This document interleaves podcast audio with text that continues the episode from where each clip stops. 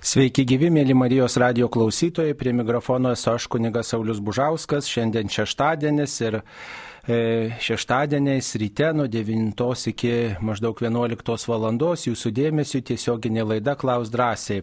Šioje laidoje dar turėtų dalyvauti kunigas Algirdas Paliokas, esame sutarę, kad jis atvyks į šią laidą, taigi laukiame ir džiaugiamės, kad galime jūs šią Velykų savaitę sveikinti su šventomis Velykomis. Kristus prisikėlė, iš tiesų prisikėlė. Aleliuja, štai šypsosi operatorius Matas, jisai čia mums talkin šioje laidoje, taigi džiaugiamės, kad galime E, šiuo Velykų laiku dalintis prisikėlimo džiaugsmu ir džiaugtis laisva galimybė tokia švesti tikėjimą ir, ir svarstyti apie įvairius tikėjimo klausimus. Taigi ši savaitė ir kita savaitė yra dar galimybė tiems, kurie norėtų paremti Marijos radiją gyventojų pajamų mokesčio E, dalimi 1,2 procento gyventojų pajamų mokesčio galima skirti netvėrus piniginės Marijos radio labui. Tai yra puikia galimybė paremti Marijos radiją, kuris gyvuoja tik tai jūsų aukų dėka tik jūsų aukų dėka, mūsų neišlaiko jokios organizacijos, jokios, e, jokie, taip sakant, politiniai veikėjai ar kas nors kitas, mes tik tai paprastų žmonių dėka gyvuojame kuriems nešame viltį, kuriems nešame tikėjimo žinę, dalinamės Dievo žodžiu ir stengiamės perteikti tikrai Kristaus gyvenimo žinę, Kristaus tikėjimo žinę, Kristaus vilties žinę į kiekvienus namus.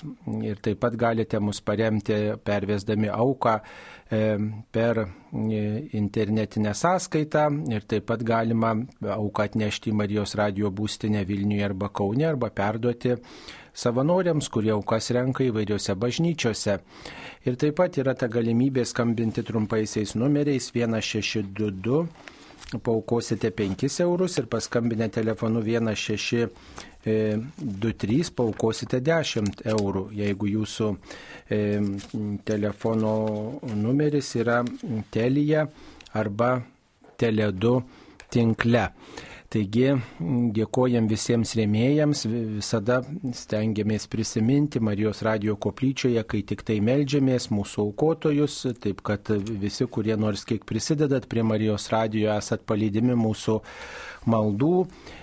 Ir tikrai ačiū, kad stengiatės palaikyti šitą evangelizacinę misiją. Kaip žinote, Marijos radijas klausomas ne tik tai pagyvenusių žmonių, ne tik tai ligonių, e, vienišų žmonių, bet taip pat net ir tie, kurie laiko save netikinčiais. Tenka girdėti, kad vairuodami automobilius įsijungia Marijos radiją, taip kad prisidėdami prie šito radijo gyvavimo tikrai darote evangelizacinę misiją. Ačiū Jums visiems. Šiandien yra Švento Jurgio diena, sveikinam visus Jurgius, Jurgitas, mm, Jurginas, kurie e, švenčiate ir kurios savo, mm, savo vardadienį šią Velykų savaitę, tai tikrai tegul viešpats globoja ir tegul teikia drąsaus, ištvermingo tikėjimo visose sunkumuose ir te padeda veikti visus priešus e, visas negandas, ypač dvasinius priešus, kurie kiekvieną iš mūsų atakuoja. E, štai turime keletą žinučių Ar Dievo gailestingumo atlaidai suteikiami visose bažnyčiose visų valandų šventose mišiose? Klausia Anelė iš Kauno. Taigi, kaip tik tai šiandien esame įrašę laidą su Vilniaus arkivyskupu metropolitu Gintaru Grušu, taip kad galite pasiklausyti vakare apie 17 val. ir taip pat rytoj toji laida bus kartojama ryte. E, taigi e, Dievo gailestingumo atlaidai suteikiami tam, kuris meldžiasi Dievo gailestingumo vainikėlį e, prie išstatyto arba tabernakulėje saugomo švenčiausio sakramento. Tai e, reiškia, kad jeigu tik melžiamės šią maldą, būdami bažnyčioje, koplyčioje, o taip pat jeigu esame tie, kurie sunkiai sergame, taigi galime gauti atlaidus net ir būdami namuose, bet turėdami tą troškimą vienyti su besimeldžiančiais bažnyčiose Dievo gailestingumo vainikėlį. Atlaidai, žinoma, kai vyksta atlaidai, tai visas tas dienas, kada jie vyksta, tą atlaidų malonę toje vietoje apsilankę to šventovėje, dalyvaudami mišiuose, galime gauti. Tik tai reikia tada atitikti ir kitas sąlygas, prieiti artimiausių metų iš pažinties, jeigu turim sunkia, sunkių nuodėmių, ir taip pat priimti šventąją komuniją, pamaldžiai dalyvauti šventose mišiuose ir, aišku, pasimelsti popiežiaus intenciją. O tai reiškia melstis už tai, kas rūpi popiežiui. E, popiežius kiekvieną mėnesį skelbia tam tikrą intenciją, pavyzdžiui, balandžio mėnesį meldžiasi už, už sveikatos apsaugos darbuotojus, kurie, na, kurie tiesiog dirba slaugos namuose, saugo, slaugo pagyvenusius ir, ir senus žmonės, kad jie, ties apsaugos darbuotojai sulauktų tinkamos paramos. Taigi galime tokiu būdu prisidėti, prisidėti prie popiežiaus misijos, melzdamiesi ne, už, ne tik už jį, bet ir už tai, kas jam rūpi, palaikydami jo maldą Va. Ir popiežiaus intencija, kaip prašom atlaidų vadovė, dešimtajame numeryje e, reiškia sukalbėti vieną kartą tėvę mūsų ir sveika Marija. E, tokias maldas, nu mes dar pridedam garbė Dievui, bet e, pavieniai žmonės tikintieji gali ir bet kuria kita malda e, pasimelsti šventojo tėvo intenciją. Tai yra už tai, kas rūpi popiežiui, bet atlaidų vadovė yra nustatyta, kad reikėtų sukalbėti maždaug tėvę mūsų ir sveika Marija prie visų kitų sąlygų. Taip, mums paskambino. Skambina klausytoja Elžbieta iš Utenos. Taip, mėla Elžbieta, jūs eterija, klauskite. Gerbėjas Zikristai. Per amžius amžius. Kai Jėzus buvo nukryžiuojamas, jis pasakė, štai tavo motina. Kam jis pasakė ir kas ta motina? Ačiū sudė. Na tai ta motina yra švenčiausioji mergelė Marija, kuri buvo po kryžiumi. Visais tais svarbiaus, svarbiais gyvenimo momentais Marija buvo šalia Jėzaus ir ir tikrai žinojo apie apie, apie misiją Jėzaus ir, ir tikrai buvo toji, kuri dalyvavo Jėzaus misijoje. E, taigi nuostabu, kad, kad štai ji net ir mirties valandoje buvo šalia savo sunaus ir įsivaizduokit, ką gali išgyventi kenčianti motina, kai mato savo mirštantį sūnų. Tai mm, va, Jėzus apie ją kalbėjo, štai tavo motina. Ir tą pasakė e, apaštalų Jonui, kuris buvo taip pat tas vienintelis iš visų dvylikos mokinių, kuris nepabėgo nuo kryžiaus, o, o vat, sekė, kuo čia viskas baigsis ir tikrai viešpati mylėjo ir buvo šalia. E, na, pagal tuo metu tokį įstatymą, tradicija, tai e, reiškia moteris, kuri neturi vyro, e, kuri neturi sunaus, jinai lieka tokia be globos, nėra kas ją išlaiko, kas ją pasirūpina, kas ją apgina, taigi reikėjo kažkokiu būdu e, spręsti šitą tokį vat, materialinį klausimą, sakytume, būtinį klausimą, kažkuo pasirūp, kažkas turi pasirūpinti moterimi, kuri, na, va, silpnas žmogus. Ir Ir tiesiog Jėzus, žinodamas tą tradiciją, jis tiesiog tą visą užduotį pavedė apaštalui Jonui rūpintis Marija kaip savo mama, kad Marija nelieka visiškai vieniša, nes jau Juozapas buvo miręs tuo metu. Bet mes e, e, tikintis žmonės, kurie esam Kristaus mokiniai, kurie norime būti jo misijos dalininkais, e, sekti paskui jį, tai priimam kaip tam tikrą dvasinę testamentą ir Mariją tuose žodžiuose priimame kaip visų tikinčiųjų motina, kaip ta, kuri rūpinasi visais tikinčiaisiais. Ir tą liūdija visas bažnyčios tikėjimas, visa teologija ir, ir taip pat net ir Marijos apsireiškimai, kad Marija rūpinasi žmonėje, meldžiasi ir, ir užtarė.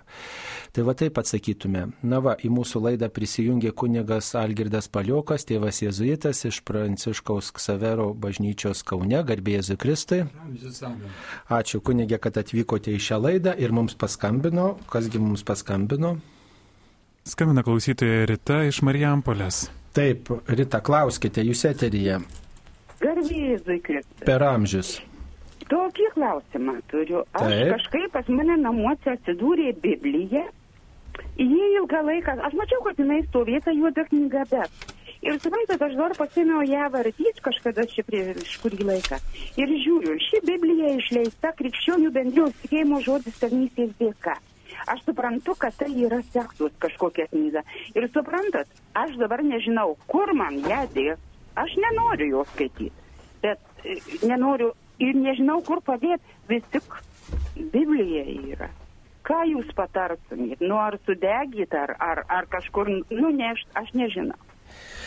Nu taip, matot, nevadinkim tikėjimo žodžio sekta, tai yra mm, tokia protestantiška ju- kryptis, protestantiška kryptis, bet dabar mes siekiame ekumenizmo ir, ir tikrai ten yra mm, nuostabus, nuostabaus jaunimo, kur, kur, kurie mm, t- myli šventą raštą, kurie šlovina viešpati giesmėmis ir, ir, ir susirinkimuose. E, Taip, tai ta knyga, galime sakyti, tokio protestantiško tipo ta Biblija, vat, man atrodo, Jurienas yra jos vertėjas, jeigu gerai atsimenu.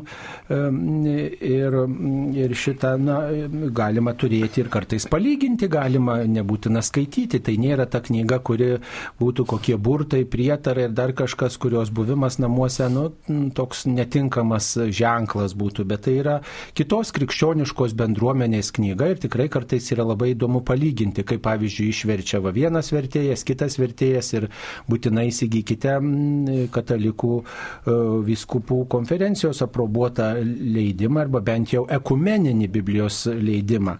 Na va, tai ir palyginti gal, kartais galima tą, tą labai įdomu daryti ir tą daro mm, švento rašto vertėjai, švento rašto e, tyrinėtojai. Tai va taip, o, o jeigu jums vis dėlto vis tiek nesinori tos knygos lai- laikyti, galima e, perduoti protestantų bendruomenėms tą knygą, tiesiog susirasti, kur yra protestantų bendruomenės ir perduoti, kad jie savo nariams atiduotų. Taip, mums dar paskambino. Skambina Marija iš Vilniaus, turi klausimą apie gailestingumo atlaidus. Labai malonu, prašome, Garbėsiu Kristus. per amžius. Marija iš Vilniaus. Turiu tokį klausimą. Ar rytoj gailestingumo sekmadienį pagal Jėzaus pažadą galima atlikus išpažinti prieimus šventą komuniją pasimeldus popiežiaus intenciją, reiškia, turint troškimą gyventi vienybėje su Dievu, galima gauti visuotinius atlaidus pagal Jėzaus pažadą, baus nuodėmį ir bausmių atleidimą tik gailestingumo šventovė ar bet kurioje Vilniaus ar bet kurioje Lietuvos bažnyčioje.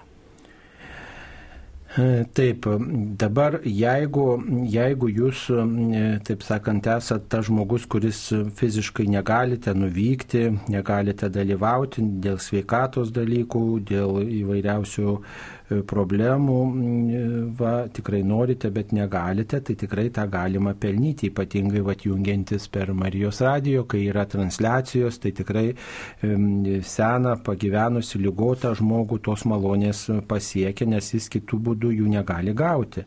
Tačiau jeigu jūs galite galite nuvykti į tą atlaidų šventovę, em, tai tikrai tą reikėtų padaryti. Ir tos malonės tarsi iš dalies pasiekia, jos nepilnai pasiekia ne žmogus dėl savo ar apsileidimo, ar tingumo, ar kokių svarbesnių darbų, reikalų. Jis tiesiog nu, pas, pasiklauso ar per Marijos radiją, ar kokiu būdu jungiasi į tą maldą, va, e, į, į tuos atlaidus. Tai, tai, tai, tai taip yra. O jeigu, pavyzdžiui, jūs galite tuos visuotinius atlaidus pelnyti e, ir būdami, kaip ir laidos pradžioje sakėme, bet kokioj bažnyčioj, bet kokioj koplyčioj prie švenčiausio sakramento viena ar su kitais žmonėmis sukalbėdama gailestingumo vainikėlį, pasimelsdama popiežiaus intenciją, priimdama komuniją. Tai bet kurią dieną, visus metus tą galima daryti. Matot, visuotiniai atlaidai, jie yra kaip čia pasakyti, lygiai verčiai. Ar juos gausim e, vat, tokiu būdu, kaip, va, kaip ir sakau, savo bažnyčioje, koplytėlė melsdamiesi prie išstatyto švenčiausio sakramento arba tabernakulė saugomų, arba jeigu nuvyktume į nu, pačius iškilmingiausius kažkokius atlaidus ar, ar, ar Lietuvoje ir šventovė, jie visuotiniai atlaidai yra lygiai verčiai. Va, bet yra daliniai atlaidai, kurie ma, tokie, na, tik, tik dalis yra tų visuotinių atlaidų. Tai, Tai va taip, jeigu, ką dar nebent pridėtumėt kunigė prie šito atsakymo. Tai žinot, jeigu tik tai vienoje vietoje būtų galima gauti visuotinius atlaidus, tai reiškia, kiti žmonės būtų labai nuskriausti, nes kiek žmonių negali nuvykti į tą specialią vietą ir viską atlikti, kas priklauso jų gavimui. Tai tiek. Taip mes matot, iš tiesų vykstame į tas vietas, norėdami nu labiau atsiverti. Mes tų malonių visuotinių atlaidų galime pelnyti ir būdami ir, ir, ir namuose, ir bendruomenėje melzdamiesi, ir savo bažnyčiai, bet na, mes nepriimam tos dovanos taip, kaip, e, taip, kaip galėtume. Kartais nu, apsineša tokiom dulkėm mūsų tas tikėjimas ir tas vykimas į piligriminę šventovę, į atlaidus, į šventę, e, na tai dalyvavimas kartu su kitais piligrimais tyrimais, vat, tas buvimas ten yra tas, kaip sakoma, na, mūsų atvirumo garantas, tokia sąlyga, priežastis labiau Dievą ten priimti, tiesiog išgyventi religinį patyrimą. Ir, ir paprastai tas beveik visada žmonėms pavyksta. Va, kai jie vyksta, kai jie nusiteikia, kai jie mato kitus besimeldžiančius, tai tiesiog mato kitus tikinčius žmonės, jų širdis labiau užsidega. Dar e, vienas toks klausimas, jei neturi sunkios nuodėmės ir buvus iš pažinties prieš pat šventasias Velykas, ar reikia vėl eiti iš pažinties, norint gauti Jėzaus pažadėtas malonės per gailestingumo šventę? Tai jei neturi. Kažkaip, Taip. Kažkaip atrodo, kad yra ta sąlyga, kad per gailestingumo šventę reikia prieiti iš pažinties. Nu, matot, jeigu, jeigu nėra sunkios nuodėmės, tai tos išpažinties kaip ir nėra būtina kaip, eiti. Tada, taip. Bet yra ta, tokia pamaldumo išpažintis taip, taip. eiti. eiti eiti, kad ir su lengvomis nuodėmis iš pažinties, ypatingai kai yra laisvas nuodėm klausys, kai nėra, nėra daug tų žmonių, kai, kai tiesiog be, be tokio ilgo pokalbio išvardinti ir lengvas nuodėmės, tai tikrai to būdu duoti ženklą ir nuodėm klausiu, ir kitiems žmonėms apie savo tikėjimą, pastiprinti tokiu būdu save. E, Nežiūrėkit, jeigu reikėtų būtinai tą dieną prieiti iš pažinties, Tai, tai galimybių nebūtų tiek, Taip. tai kiek kunigų reikėtų, kad tai atliktų žmonės. Na, čia yra toks, žinot, Jėzaus tokia dovana ir to, to dėmesio atkreipimas į tą jo gailestingumą ir ypatingai jis tą atkreipia per seserį Faustiną. Tai, tai, tai, tai yra svarbu, bet lygiai taip pat svarbu ir kitų metų būti tokioj malonės būsenoje. Lygiai taip pat. Ir, ir tai tiesiog, žinot, yra tam tikros progos progos, tam tikri tokie akcentai, kurie vat, atkreipia mūsų dėmesį, kaip ir pavyzdžiui tie šeimos metai, ma, paskelbti šeimos metai, dėmesys šeimai, renginiai, dar kažkas, bet tai nereiškia, kad kiti metai nėra su šeima susiję, nėra svarbus, nėra reikšmingi ar ten panašiai. Tai čia yra tiesiog proga, tokia galimybė vat, žmonėms, tas kvietimas, o visus metus juo reikia naudotis ir įvairiom kitom progom. Mums paskambino Skambina klausytoja Bronislava iš Baisiogalos, turi klausimą apie maldą. Taip, klauskite. Gerbėjai Jėzus Kristus. Per amžius. Aš einu į bažnyčią kiekvieną dieną ir anksčiau noriu vis nueiti, kol dar rožinė mes kalbame apie pusę devynių, tai dar į ten daugiau susirenka žmonių, bet kiekvienas savo atskirai kalbama. Ir va taip, kada sekmadienį, jeigu aš anksčiau nueinu, ar mano malda skaitosi, kad aš vieną kalbu, ar kaip Dievo pasakyta, du ar trys susirenka, ten ir aš būnu. Jeigu mes atskirai visi kalbam, kol visi susirenka. Nu, žinot, turbūt tai, kad jau taip kaip ir Dievo pasakyta, aišku, kaip jau visi keli susirenka meldžiasi, tai žinoma, kad jie susirinkę meldžiasi, bet dar labiau tie žodžiai gyvendinami, kai visi va vienas kitą girdi ir tą, tą įsiklauso ir vienu tuo balsu meldžiasi. Sakyčiau, jau, jau yra arti tos sąlygos, bet jinai pilniausiai tie žodžiai gyvendinami, jeigu melstusi visi žmonės vienas į kitą įsiklausydami, tai dar tobuliau toliau tas, tas būtų įsakymas įgyvendinama. Žinot, tobulumui, pilnatvė ir meiliai nėra gana. Visada galima geriau padaryti, visada galima nuoširdžiau, karščiau pasimelsti, labiau mylėti, tiesos ieškoti. Taip ir čia turbūt jau gerai, kad žmonės susirinko kartu, kiekvienas va meldžiasi, jie, jie vienas kitą gerbė, tylinį, galbūt nenori savo, savo tuo balsu ar kaip kitaip trikdyti vienas kito, nu va, nedrįsta gal ar panašiai. Jau gerai, kad jie kartu, va, štai vienas kitą pakeičia nekenčia, jau yra šis tas. Va, o, o tada dar toliau galima susiorganizuoti, pakviesti, pakalbinti, tiesiog, žinot, tai va, štai. Tame klausime aš išgirdau dar tokį dalyką, kad tarsi, kol susirenka visi, melžiamės atskirai. Tai tas dalykas būtų nu, labai pateisinamas, nes jeigu susirinkę jūs kalbate kartu rožinį, tai galima ir, reiškia, kai ateini bažnyčią, tai vis tiek turi melstis. O šiaip, tai žinot, raušinio malda kartu yra nu, visai kas kita. Bet melžiantis atskirai nereikia pamiršti e, meditacijos, nes čia yra pusiau mastumoji malda ir medituoji, ir tada jau vienas, e, kažkaip gal vienam geriau yra medituoti. Tai čia jūsų pasirinkimas ir jų, kaip jūs susiorganizuosite, taip ir turėsite. Taip, ačiū. Ar padariau nuodėmę, jei didžiojo penktadienio metu, nenorėdama susikrėsti virusų, nebučiavau paguldyto kryžiaus, kurį visiems liepė kunigas per mišes bučiuoti. Nu, visų pirma, mišių tą dieną tikrai nebuvo ir kunigas turbūt negalėjo įliepti, tiesiog gal pakvietė, kas nori pagerbti, prieikite, panašiai. Tai tikrai tą reikėtų mm, prisiminti ir aš manau, kad kunigai tikrai gerbė ir valstybės įstatymus, ir tikinčiuosius, ir, ir tikrai įvertina tą pandemijos grėsmę ir panašiai. Tai... Taip pat mūsų bažnyčioje vadovaujantis kunigas pasakė, kadangi pandemija neleidžia bučiuoti, tai bent prisilieskite ranką. Ir, ir to pilnai pakako. Ir žmonės labai gražiai ėjo, taip su pagarbiai prisiliesdami. Na, o paskui tarnas tas vietas paprastai jau su dezinfekciniu skyščiu nušluostydavo, tai reiškia, jokio pavojaus nebuvo. Taip, nu tai nuodėmės tikrai nepadarėte, jokios nuodėmės čia nebuvo, net jeigu ir kunigas būtų liepęs, tikrai jo jūs šitoje vietoje neklausėte, nuodėmės tikrai nepadarėte. Ir, ir tikrai nereikia taip jau labai, žinot, turbūt jau į tokius skrupulus eiti ir tą virusą tik bažnyčioje matyti visur, o parduotuvėje, savivaldybėje, ligoninėje, poliklinikoje, nežinau, bankė, autobuse, stotelėje, visur kitur nėra. Visur yra vienodai tas virusas gyvena, jeigu gyvena, o mes ateinam į bažnyčią, dar remiamės Dievu, tikėjimu, laikomės išminties, pagarbos, atsižvelgiam į specialistų patarimus plaunam rankas, jeigu jaučiam grėsmę, kaukę nešiojam, bet tiesiog būkim tikrai tikinti žmonės ir, ir perlenkim lasdos turbūt nei vieną, nei kitą pusę šitoj vietoj. Taip, dar vienas klausimas, žinutė, kaip neustrikti maldos labirintuose, susikūrus savo e, požiūrį, jei nesukalbėsiu maldos tam tikrų metų, bus negerai metodas toksai. Klausimas kunigui svečiui. Na va, prašau. Oi, čia reikia labai atsargiai su tokiais visokiais pasižadėjimais ir, ir, ir ypač jeigu savo įsidedi bausmę.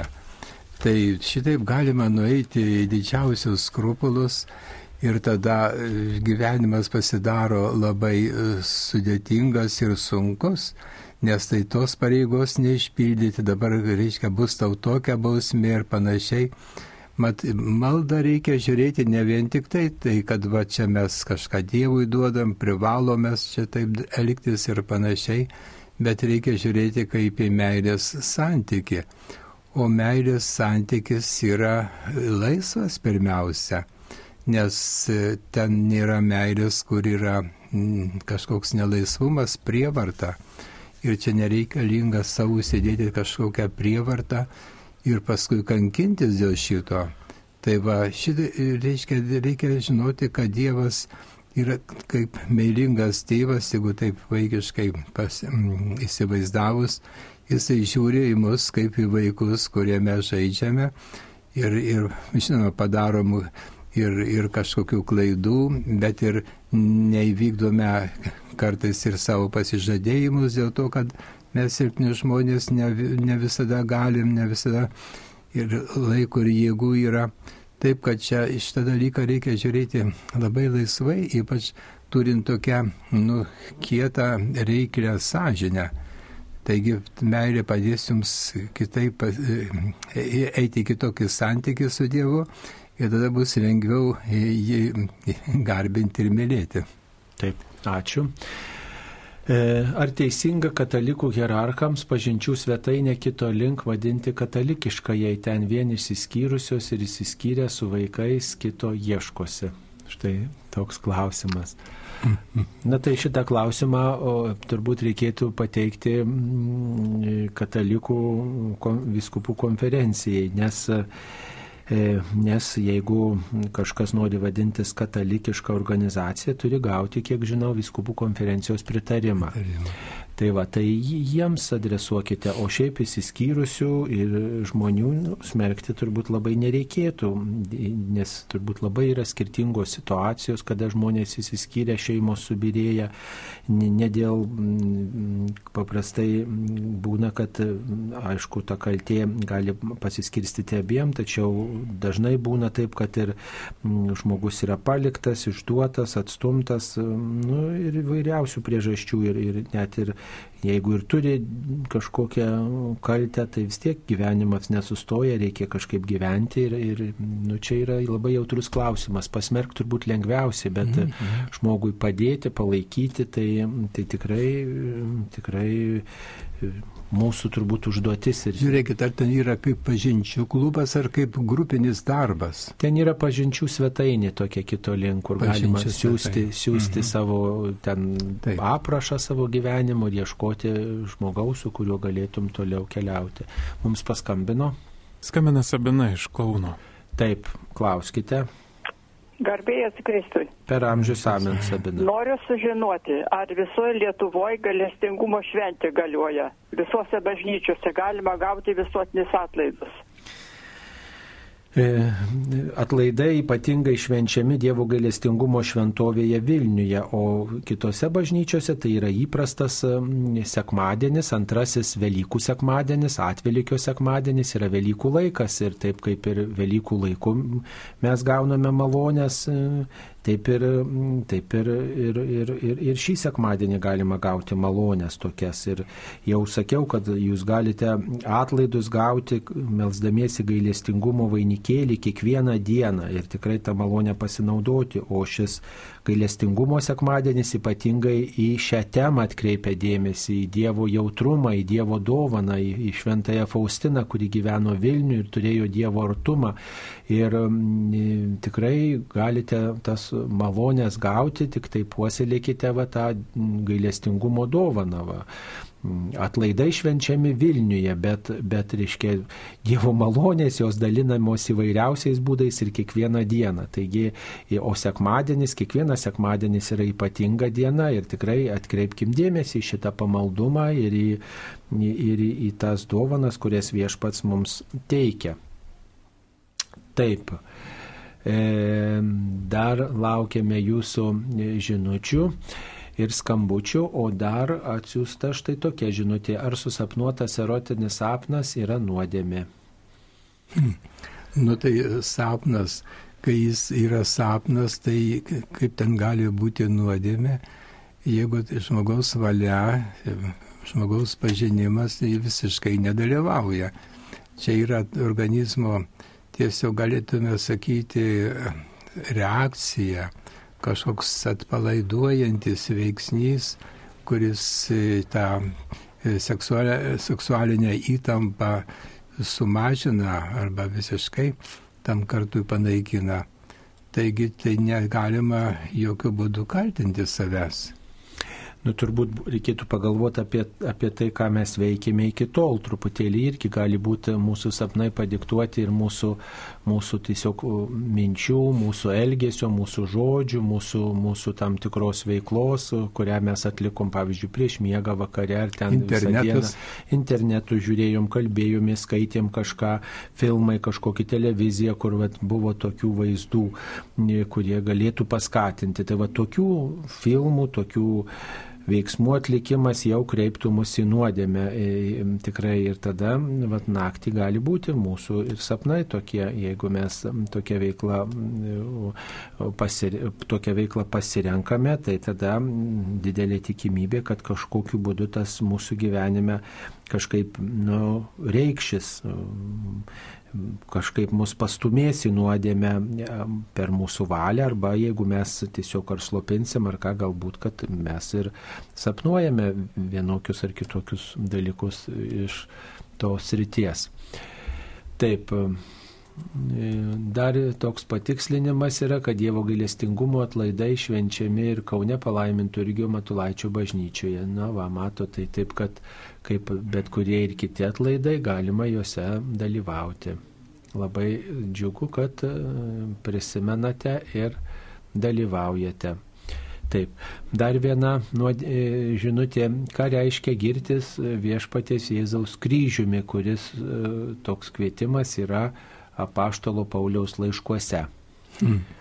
Berots laiškė Galatams. Jo, ten tas pasigirimas, jisai, vienu žodžiu, jisai nenori pasigirti savimi ir savo ar šventumu, bet e, giriasi kryžiumi. Ta prasme, kaip taip sakant, kryžiumi, tai tu negali girtis, nes jis yra dalykas sunkus ir kankinantis. Ir jisai parodo savo nuostatą, kad kryžius jam yra didžiulės reikšmės dalykas, kad tai jo, reiškia tik tai tuo jisai gali girtis, o ne savo darbais, ne, ne stebuklais, ne, ne tą didžiąją misiją, kurią jisai vykdė. Tai tiek. Taip. E, kunigai patys meldžiasi, tačiau kartais sakoma, kad reikia melstis ir už kunigus ir tos maldos vyksta. Kodėl reikėtų melstis už kunigus, jei jie patys meldžiasi? Hmm. Tai čia yra tiesiog būtinybė, nes reikia žinoti, kad jeigu žmogų gundo viena piktoji dvasia, tai kuniga gali ir dešimt, ir šimtas, nes piktoji dvasia puikiai žino, kad jeigu tu kuniga sugundysi, tu paveiksi ir į jo ganomuosius. Yra toksai, nu, toksai mm, tvirtinimas, kad kunigas niekada neina nei į dangų vienas, nei į pragarą vienas. Kitaip sakant, nuo jo labai daug kas priklauso, o jis yra vis tiek silpnas žmogus ir jam reikia ir taip pat kovoti ir, ir pagalbos reikia, kaip ir kiekvienam žmogui nes jo atsakomybė didelė ir, kaip minėjau, ir piktųjų dvasių polimas yra žymiai didesnis. Tai va, jiems todėl reikalinga ta malda. Ir kažkur tai iki karo būdavo ketvirtadienis vadinamas kunigų, nes švenčiausias sakramento įsteigimo minėjimas. Tai būdavo speciali malda už kunigus po mišių. Na, o dabar to, to ketvirtadienio nėra, bet vis tiek privačiai tai galime smelstis, nes tikrai to reikia. Taip. Apie atlaidus sakoma, kad jie yra pelnomi, laimimi. Kodėl sakoma, kad atlaidai laimimi? Laimėti atlaidus. Esat tokį posakį girdėjęs? Esu girdėjęs. Nu, tai čia natūralu reiškia, kokį tai veiksmą padarai ir laimi kažką kaip prizą, reiškia, to veiksmo mm, pasiekime yra tas laimėjimas. Dar apie išpažinti nori e, pasiteirauti žmogus. Kodėl dabar nebeina žmonės iš pažinties? vis mažiau ir mažiau, net ir per gavėnę eina žmonių iš pažinties, o komunijos vis tiek pat eina nemažai žmonių, ar vis net ir daugiau. Oho, nu tai čia yra liūdnas dalykas, tas, tai pastebima katalikiškame pasaulyje. Ir yra žmonės susikabino šokių nors e, klaidingų teiginių ir jais vadovaujasi Ir pavyzdžiui, sakysim, nu tai jeigu nepadarys sunkios nuodėmės, nu tai tu gali eiti komunijos visą laiką. Ir čia tik tai reikalinga, kai sunki nuodėmė. Na, o dabar atskirti, kur čia sunki, kur nesunki, tai nėra taip ir paprasta, ne kiekvieną kartą galima. O, o žmonės, kurie ir ateina iš pažinties, jų sąžinė pasikeičia jie atbunka, jie nebemato e, kas yra tikrai bloga. Ir blogiausius dalykus skaito, kad tai yra mažos nuodėmės ir tada, nu, neina, todėl kad tai mažos. Vienu žodžiu, šitas dalykas yra bažnyčioje, nu, kaip kažkokia bėda.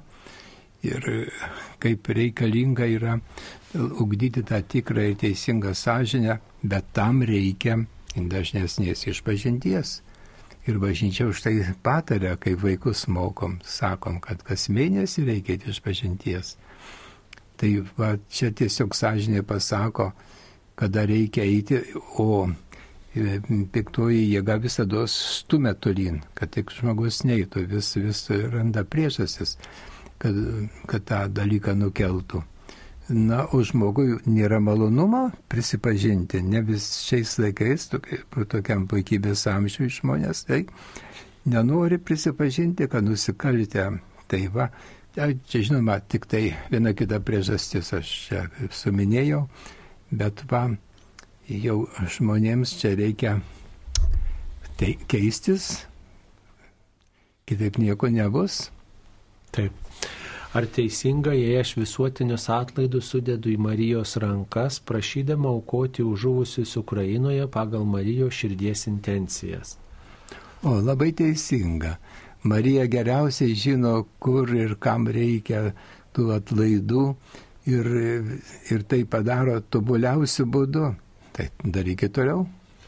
Taip, tai Marija, kaip ir ta, kuri e, paskubino e, pirmąjį Jėzaus stebuklą kanos vestuvėse, taip ir, taip ir mūsų maldas e, palydė, gali palydėti tiesiog į viešpatie širdį ir, na, ir jinai žino, ko iš tiesų žmonijai labiausiai reikia. Primename, kad atlaidus galime gauti savo arba mirusiems, savo arba mirusiems. Kiti žmonės, kurie nutolę arba kurie mm, netikintis, ar, ar, ar tie, kurie yra tikintis, bet neieško tos galimybės, tai jie už juos negalime skirti visuotinių atlaidų pagal bažnyčios mokymą. Jie patys turi galimybę e, atsiversti ir patys turi galimybę prašyti tų, tos atlaidų malonės. Na dar vienas klausimas, kokie yra maldos vaisiai ir kaip juos galime patirti. Na tai maldos vaisiai tai galima būtų e, prisiminti šventosios dvasios veikimo vaisiai, kokie yra. Na dabar visų aš tai neišvardinsiu, gal jūs padėsit. Na tai matot, maldos vaisiai pirmiausia gal reikia taip sakyti, kad stiprėja mūsų tikėjimas e, nuo, e, nuo, dėl maldos, stiprėja mūsų tikėjimas ir taip pat e, tas tikėjimas yra išreiškiamas. E, tai, e, tai va tokie yra vaisiai e, pirmiausiai šitai. O toliau kitas dalykas, kad mes tų vaisių negalim išmatuoti. Kartais galbūt išsipildo tai, ko prašome. Tai, ko prašome ir tai, ko melžiame bet nebūtinai iš karto ir nebūtinai tokiu būdu, kaip mes norėtume. E, taigi e, taip galime pasakyti.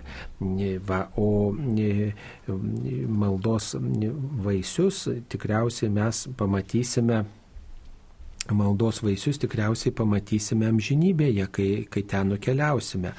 Žinoma, kunigas čia minėjo su šventaja dvasia susėdamas, tai iš tikrųjų maldos gyvenimas yra šventosios dvasios darbas mumyse. Niekas e, ne, nepasakys, Jėzus yra viešpats, jei šventoji dvasia nepaskatina, kaip mes skaitome ir šventajame rašte. Taigi, tų šventosios dvasios vaisių yra 12 ir aišku, tas pats toks turbūt pagrindinis vaisius tai yra meilė. Meilė Dievui, meilė artimui. Jeigu žmogus meldžiasi ir jisai nekenčia artimo, tai jau tikrai ta malda nėra gera arba jis negerai meldžiasi. E, tikrai kažkas netaip tame žmoguje. Vis tiek turėtų būti daugiau meilės arba bent tas norėjimas mylėti, tas ilgesys meilės, meilės Dievui ir meilės kitiems žmonėms.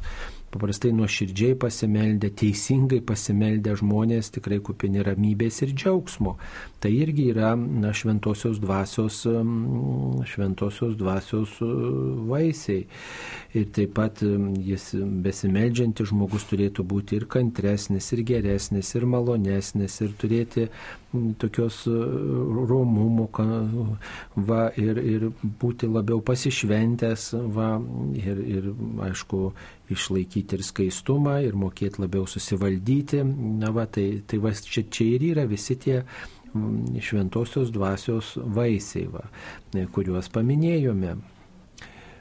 Tai Tai va taip atsakytume žodžiu, jeigu melžiatės ir norite maldos vaisių, tai pažiūrėkite, ar jūs tikrai labiau mylite, ar bent tos meilės trokštate, nes jeigu to nėra, vadinasi, su mūsų maldos gyvenimu kažkas ne taip yra. Reikia tikrai gerai peržiūrėti maldos gyvenimą ir, ir analizuoti, galbūt prieiti iš pažinties, tikrai pažiūrėti, kokios kliūtys yra ir pasitarti, kaip aš galėčiau labiau mylėti.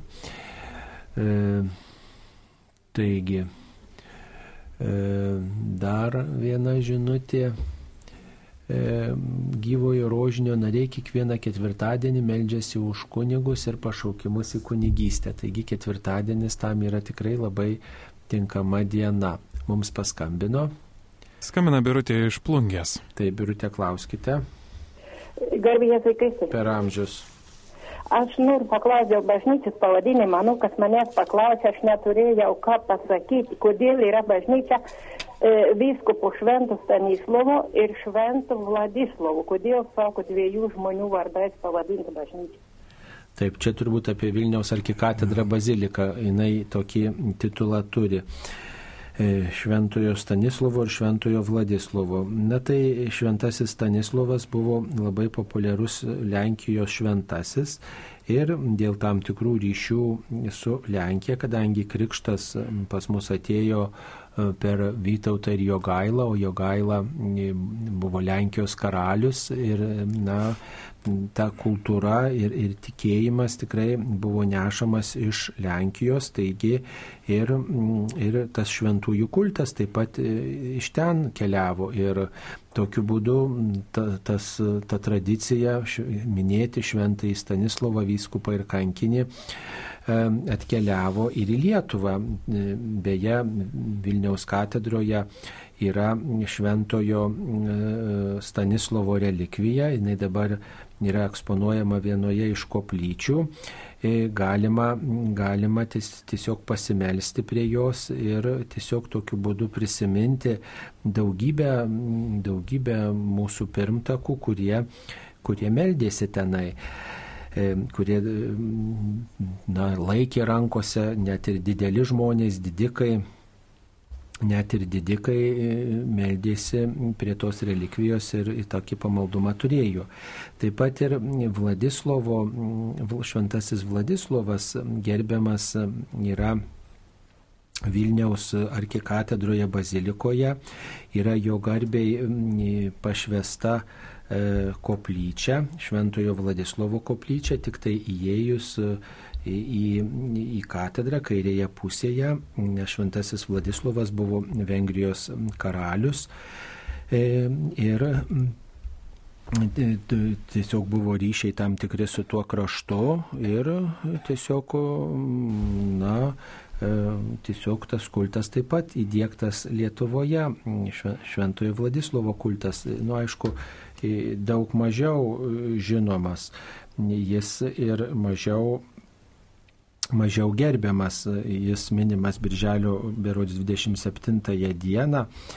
Ir jis karaliaus sostė buvo gana ilgai, Vengrija stiprino ir tarp kitko, man atrodo, Zagrebo viskupija įkurta e, jo dėka, na, žinoma, kaip karalius, jis buvo labai pamaldus ir jo užtarimu E, netgi e, pasakojama, kad įvykę yra ir stebuklų, kad e, štai kai buvo apsiaustas Vengrijos vienas iš miestų, karalius labai karštai meldėsi ir tiesiog, kai ar jojo ant žirgo, ar tiesiog, kai priejo prie to žirgo, na tas žirgas kanopomis rausė žemę ir toj vietoje ištryško šaltinis, o kaip tik tai miestas apsiaustas, trūko įvairiausių maisto produktų ir vandens trūko, gėlo švaraus vandens, tai tas šaltinis buvo nu, kaip stebuklas.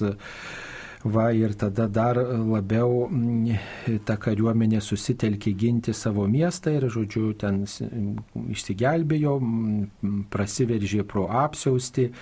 Na va ir, ir jis tikrai vedė savo kraštą į pergalę.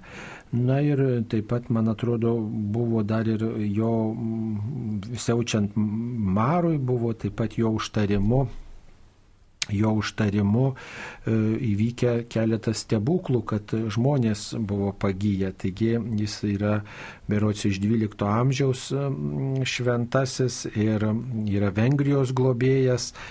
Ir tiesiog ir karys, ir, ir, ir toks pamaldus vyras. Taigi Vladislovo vardas katedrai parinktas todėl, kad šventasis, e, šis šventasis buvo uh, karaliaus Jogailos globėjas.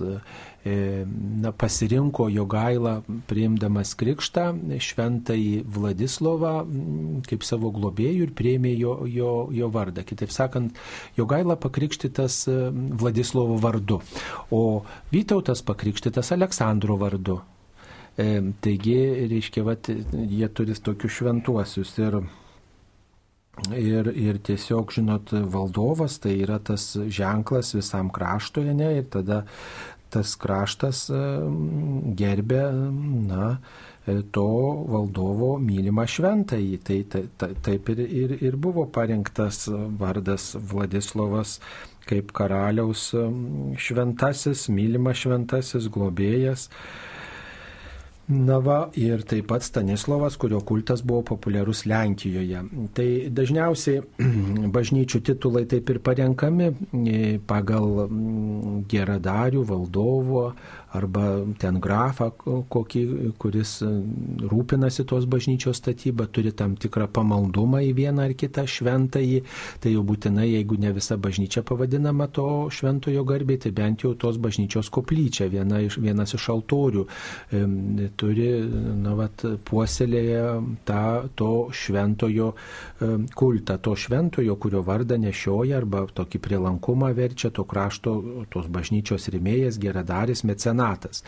O šiaip mm, titulai bažnyčiai parenkami pagal to vietinio vyskupo valią.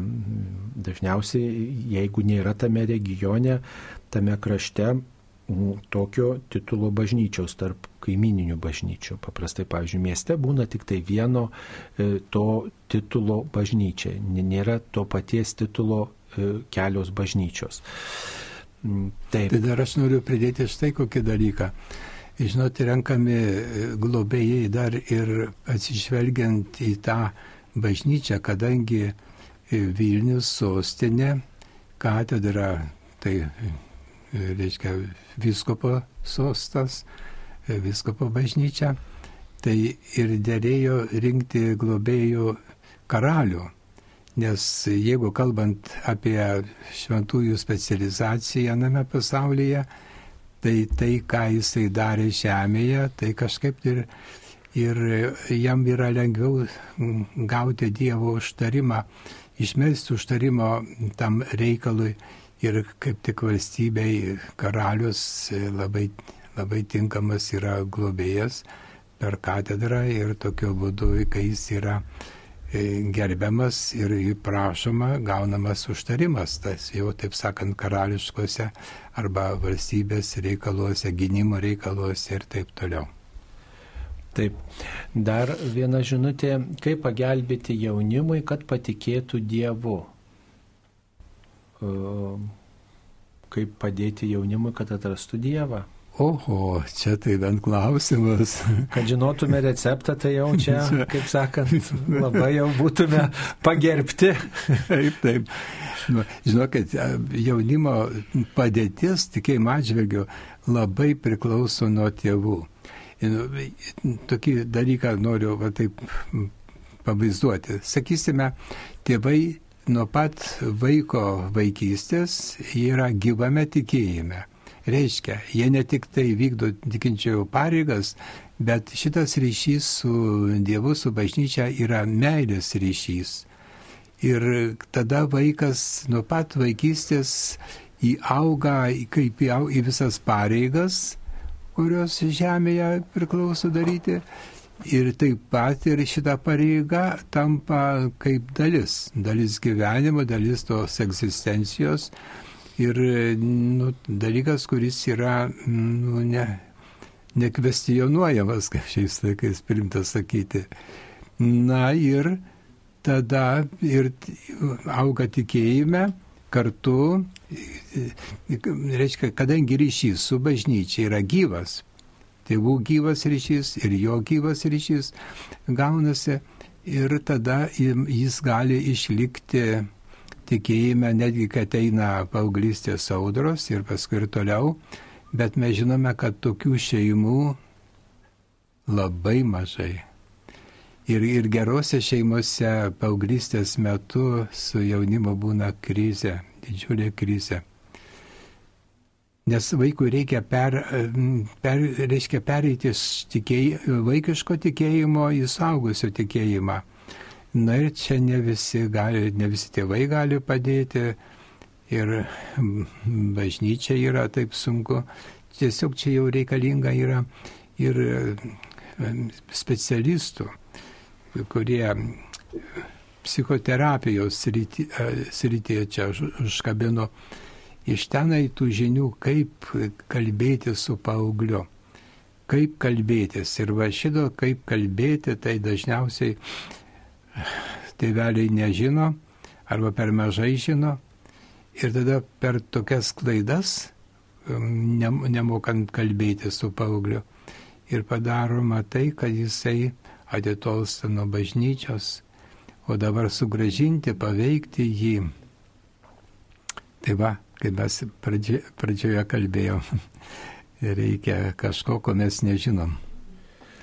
Na tai, žinot, čia turbūt labai priklauso nuo to jauno žmogaus, turbūt ir nuo tų vyresniųjų, kurie yra šalia, nuo jų santykio. Aišku, visada svarbu būti šalia ir, ir, ir turėti ryšį su tuo žmogumi, jo nesmerkti dėl jo netikėjimo, dėl jo ieškojimų, dėl jo uždarumo ir panašiai, būti šalia ir nepavarkti mylėti tą žmogų. Ir aišku, kaip tikinti žmonės melstis, turime už tuos jaunus žmonės, kad mūsų rūpestis e, tikrai būtų Dievui žinomas ir Dievą kviesti į mūsų santykį ir tos ramybės kantrumo melstis ir laukti. E, kitas dalykas, e, jeigu va kaip kunigas prakalbo apie specialistus, tai yra kitų žmonių palaikymas ir, ir toks bendruomeniškumas. Yra nepaprastai svarbu, kad e, bendrautume su kitomis krikščioniškomis šeimomis, kad kitos krikščioniškos šeimos mhm. galėtų pasidalinti, o kaip jos elgesi, kaip pavyzdžiui jaunimas nenori eiti į mišes, kai, kai jie nenori melstis, ką, ką jos daro, kad kartu vyktų šeima su kitomis šeimomis įvairius piligriminius žygius, šventovės ir į stovyklas važiuotų, įvairiausius renginius dalyvautų, galbūt pasikviestų kitas šeimas į savo namus pasimelsti, jeigu ten šeimų grupelė yra kokia, kad būtų proga ir tam jaunam žmogui matyti kitus jaunus žmonės tikinčius, kad jis pamatytų kitus jaunus žmonės tikinčius ir, ir, ir tegul galbūt ir netokie bus tikintis, kaip, kaip norėtųsi, bet, bet bus proga vaikui matyti krikščionišką aplinką. E, tai, tai yra labai toksai ženklas kuris na, nėra tik tai iš tėvų, bet kuris na, parodo, jog tikėjimas yra ne tik tai jų tėvų šeimoje, bet yra ir kitose šeimose. Ir yra kitų grupelių, yra bažnyčia kitokia, ne tik tai, kad nuobodus kuniga šalta bažnyčia, kur ten reikia, privalo, turi būtina, kur ten kunigas liepia, kaip čia važinutė buvo.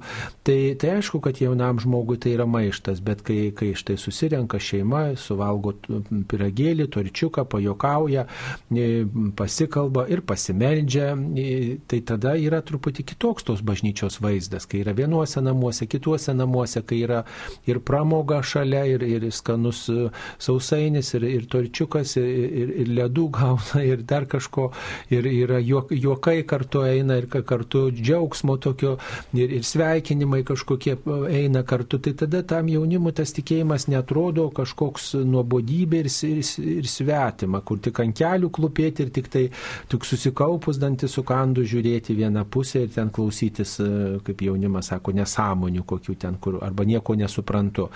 Tai, tai, va, tai tada yra galimybė truputį pabendrauti ir su savo amžiaus vaikais, su kitais jaunais žmonėmis, pamatyti kitas šeimas Ir, ir, ir, ir, ir tokiu būdu net ir tada to maišto yra, bet, bet tada jaunas žmogus turi galimybę gauti tokios įvairesnės informacijos apie tikėjimą, apie bažnyčią, apie šeimas.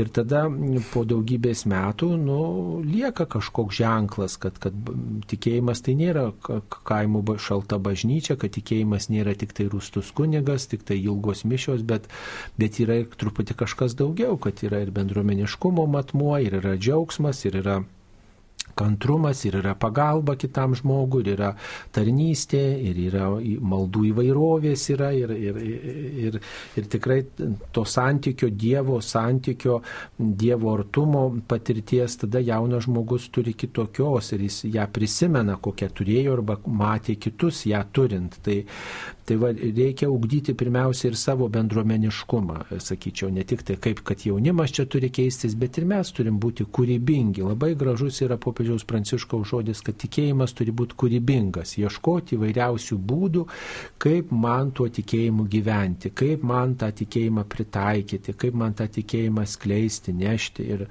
Ir, ir kartais, žinot, gal to Dievo vardu nereikia linksniuoti, bet pavyzdžiui, su tuo jaunu žmogum nuvažiuoti pas motinos teresės seseris ir vargšų indų suplauti. Ir nieko nesakyti apie Dievą. Nieko. Suprantat, ir tai bus iškalbingesnis liūdėjimas. Aš žinau tokių šeimų, kurios taip daro. Sako, mes va, da, važiuojam rinkti šiukšlės į mišką, važiuojam tą daryti, važiuojam da, gerą darbą daryti, važiuojam ten į labdaros valgyklą, važiuojam kažkur ten padėti, savanoriauti važiuojam ten kažkur. Ir, ir sako, tokiu būdu aš parodau, vat, kaip galima tuo krikščionišku tikėjimu gyventi. Ir ne, aš nekalbu, kad ten tu, ir tu taip daryk, arba čia reikia, arba čia Dievas mato, bet aš tiesiog stengiuosi tą daryti, vat, šeima liūdėja, ne tėvas ar mama. Ir, ir tada, vat, sako, tokiu būdu perteikti bandau tas vertybės. Ta bendra veikla, jinai yra nepaprastai svarbi ir aišku, reikia geležinės kantrybės ir tos kantrybės melšti iš viešpaties. Gal jūs nepamatysite tų rezultatų, bet Dievas pamatys.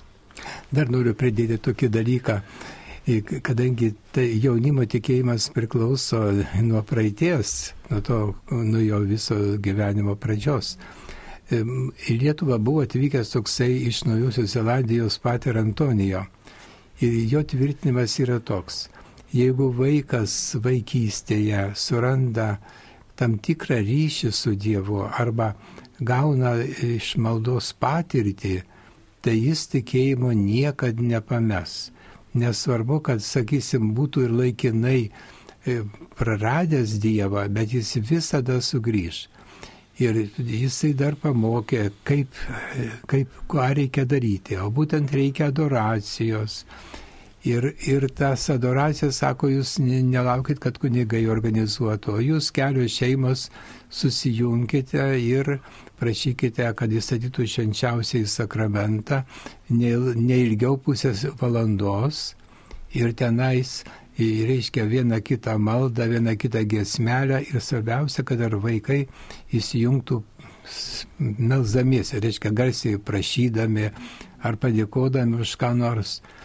Ir mūsų bažnyčioje Švento Pranciškaus Ksavero Kaune tai yra tokia grupelė tėvų, kur kas mėnesį vieną kartą jiems specialiai yra statomas švenčiausias sakramentas ir su vaikais jie garbina. Man irgi yra tekę statyti, paskui šone atsisėdęs stebėjau, garbinau žinoma ir stebėjau, kaip e, vaikai elgesi. Ir pasirodo, nu, vaikai ramus visiškai, Atrodo, vaikai galėtų tenai darytis ar, ar juokauti ar ką. Ramus, ramus ir, ir meldžiasi ir, iš, taip sakant, išlaiko tą visą nu, įtampą. Bet tai vaikai būna nuo kokių keturių metų amžiaus ir vyresnė. Čia patys tie mažieji. Ir tai, kadangi Dievas būna arti šitų nekaltų vaikelių, ir Dievas yra kitokiu būdu jų pažįstamas, tik tai reiškia reikalinga atidaryti tą pažinimo galimybę, didesnę pažinimo galimybę ir Dievas tada jau jis labiau apsigyvena jų širdelėse ir paskui jau tas tikėjimas nebebūna problema, nes tas artumas reiškia labai daug. Ir tasai Pater Antonijo, jisai važinėja po pasaulį ir šitas dalykas skelbdamas ir parodydamas, kaip reikia renkti adoracijas. Ir, ir jisai ne tik tai užsidegęs šitą idėją, bet yra ir rezultatai. Ir jisai pasakoja patirtį, kaip pasitaiko, kad pameta tikėjimą, bet paskui sugrįžta, nes jisai ir stebi, kaip ten tie dalykai vyko jo šito visos misijos pradžioje. Taigi yra galimybės, bet matot, nepaimsi taip dabar jaunimą bet kokį surinkęs ir jį jau paims ir taip jau uždegsi, į gyvą tikėjimą atvesi ir bus viskas gerai. Čia tie dalykai daromi labai iš anksto ir tada su visa ta gyvoji tikėjimu kartu su tėvais ir jie įeina į suaugusių visuomenę. Mėly Marijos radio klausytojai, tęsėme laidą Klaus drąsiai. Šioje laidoje šiandien dalyvauja e, kunigas jėzuitas Algirdas Paliokas iš, e, iš Švento Pranciškaus Savero bažnyčios Kaune ir, ir taip pat esu aš kunigas Saulis Bužauskas. E, taigi skubame atsakyti jūsų atsiustas žinutės. E, humanoje padėvėtų rūbių parduotuvėje būna rožančių. Ar gerai, kad žmogus naudotą nusiperki? Naudotą rožančių, kitą naudotą rožančių nusiperka iš, iš humanos. Ką apie tai galim pasakyti? O žinot, senais laikais Tai buvo taip galvojama, kad jeigu tu meldiesi ant kito, naudodamas kito žmogaus rožančių, tai visos maldos nueina jam, o ne tau. Čia buvo toksai prietaras. Nu ir va, jūsų klausimas irgi parodo, kad čia to prietaro atgarsis jūs yra pasiekęs. O iš tiesų visiškai nesvarbu, ant kurio rožančiaus meldiesi. Visiškai nesvarbu, čia yra priemonė o malda priklauso nuo jūsų, kaip reiškia meditacija maldos metu priklauso nuo jūsų, taip tai lūpų malda, viskas nuo jūsų priklauso ir viskas yra skiriama, e, reiškia tie nuopelnai, kurie gaunami už kalbėjimą, skiriami jums ir niekam kitam. Taigi čia ramiai laikykitės, čia nieko nesrašančius nesvarbu, iš kur jis yra kilęs. Ne, dar yra toksai nu, toksai, nežinau, tokia mintis, kad jeigu, pavyzdžiui, vienuolynė naudota rožančių, kur meldėsi seseris, daug meldėsi, jau toks atmelstas rožančius, tai jeigu jį naudoji, tai yra geriau, nes tu gauni kokią tai mm, paramą, pagalbą iš tos mirusios sesers. Tai, tai galima kažkiek patikėti, bet niekas negali užgarantuoti, kad jau čia tas ryšys su rožančiumi yra išlikęs. Tai tokie pamastymai. Taip, tai žodžiu, tai yra tik tai daiktas, tokiu atveju reikėtų e, paprašyti, kad kuningas pašventintų. Taip. Ir tikrai kunigo pašventinimas, žinokit, ir ta malda, e, tiesiog na, visa tai, kas galėtų jūs saistyti su netinkamu kito žmogaus gyvenimu, ankstesnio e, rožinio turėtojų, tikrai jūs išlaisvina, išvaduoja. Tik svarbu, kad jūs laikytumėtės Dievo įsakymų ir krikščioniškai stengtumėtės gyventi. Mums paskambino. Skambina Lina iš Panevežio. Taip, Linute, klauskite. Gerbėjai Zakai. Per amžius. Norėčiau paklausti, kaip vadinasi bažnyčia, kuri neturi parapijos? Rektoratas, vadinasi rektoratas, tai va, reiškia, yra kitos parapijos teritorijoje, dažniausiai tai na, yra kažkokia nedidelė bažnyčia ir turi kažkokią kitą misiją. Ir tos bažnyčios, e, e, toje bažnyčioje dirbantis kunigas atsakingas už tos bažnyčios priežiūrą, silovada vadinamas rektoriumi tos bažnyčios, pavyzdžiui, švento kunigų, semina, š, š, kunigų seminarijos rektorius, ne, ten pavyzdžiui, gailestingumo šventovės rektorius yra, nes gailestingumo Abraomo šventovė ir neturi, mm, neturi savo parapijos, taip pat yra, man atrodo, ir Gertrūdos bažnyčia Kaune, taip, taip. taip pat rektoratas, e, nu va, yra to keletas. Nu, tai ir jezuitų. Ir jezuitųgi bažnyčia taip pat neturi parapijos, yra, reiškia, rektoratas ir rektorius yra kunigas e, Stasys Kazienas. Stasys Kazienas, nuostabu. Gerai, dabar dar viena žinutė. Dabartiniu metu populiarūs ir dvasingi kunigai iš netikinčių šeimų. Kas juos pašaukė ir tikrai Dievas įvertino gerus paveldėtus dvasingumo genus? Pašaukė Dievas, visada pašaukimo autorius yra Dievas ir Dievui nėra e, kartais kliučių net ir iš netikinčių žmonių pašaukti kunigą, o e, kartais Dievas pašaukė ir iš tikinčių šeimų ir visokių tų variantų yra.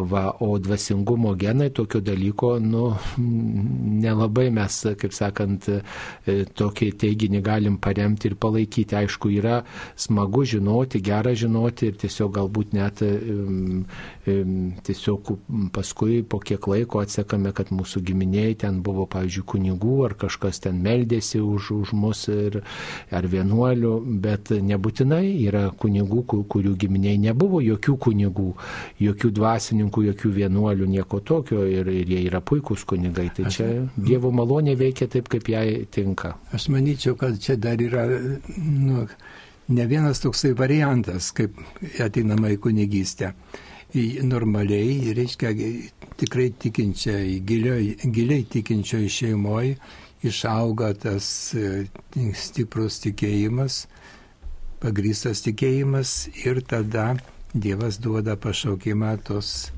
šeimos sūnui. Tai čia toks normalus ateimas į kunigystę. Na, bet Dievas e, moka ir pašaukti iš bet kokios šeimos. Ir prisiminkim senus laikus, buvo Tilvytis kunigas ir jo brolis Tilvytis poetas bedievis. Na, va, jis, kaip, kaip atsitinka iš vienos šeimos, taip būna. Taip, visokių atvejų būna. Dabar dar viena žinutė čia mums atsiusta. E, taip galite peržiūrėti, o tele2.lt prašytume atsiųsti dar kartą žinutę, nes negalime tikrai dabar šiuo metu peržiūrėti, mm, peržiūrėti čia užšifruotos žinutės. Taip, mano mama Romovietė dalyvauja jų šventėse, peigose, mano brolis dalyvauja rytiečių praktikose, žavisi šamanizmo, giminaitės laiko save ragana. Ar labai rizikuoju melzdamasi už jų atsivertimą? Mm, už atsivertimą taigi galima melstis, nesvarbu, koksai būtų, kur būtų nuklydęs žmogus, nes Tai yra Dievo noras. Supraskite, reiškia, Dievas tai nori juos išgelbėti, nesvarbu, kad jie yra paklydę. Ir, ir todėl pagal Dievo norą elgiantis, tai pagal Dievo valią, tai kaip tai gali būti blogai. Bet čia jūs kalbate apie tai, kad gali būti blogųjų jėgų revanšas už tai, ką jūs norite išgelbėti. Nu, toksai dalykas yra pastebimas, bet e, reikia žinoti, kad mūsų e, tos tikėjimo, išpažinimo, tie visi dalykai, ką mes darom dėl, dėl tikėjimo, mūsų ir maldos atgailos, geri darbai mums padeda tą, jie reiškia, tą jėgą, kurį užpuola atlaikyti. Bet nebūtinai ten būna tie, tas revanšas, tik tai, kad skaitome, kad gali būti. Ir, ir žinokit, kad didžiausia malda iš visų maldų yra šventųjų mišių auka. Todėl nepamirškite, kad reiškia, reikia laikas nuo laiko užprašyti mišes ir paskui darykite, ką galite. Tai Dievas tegu jums padeda.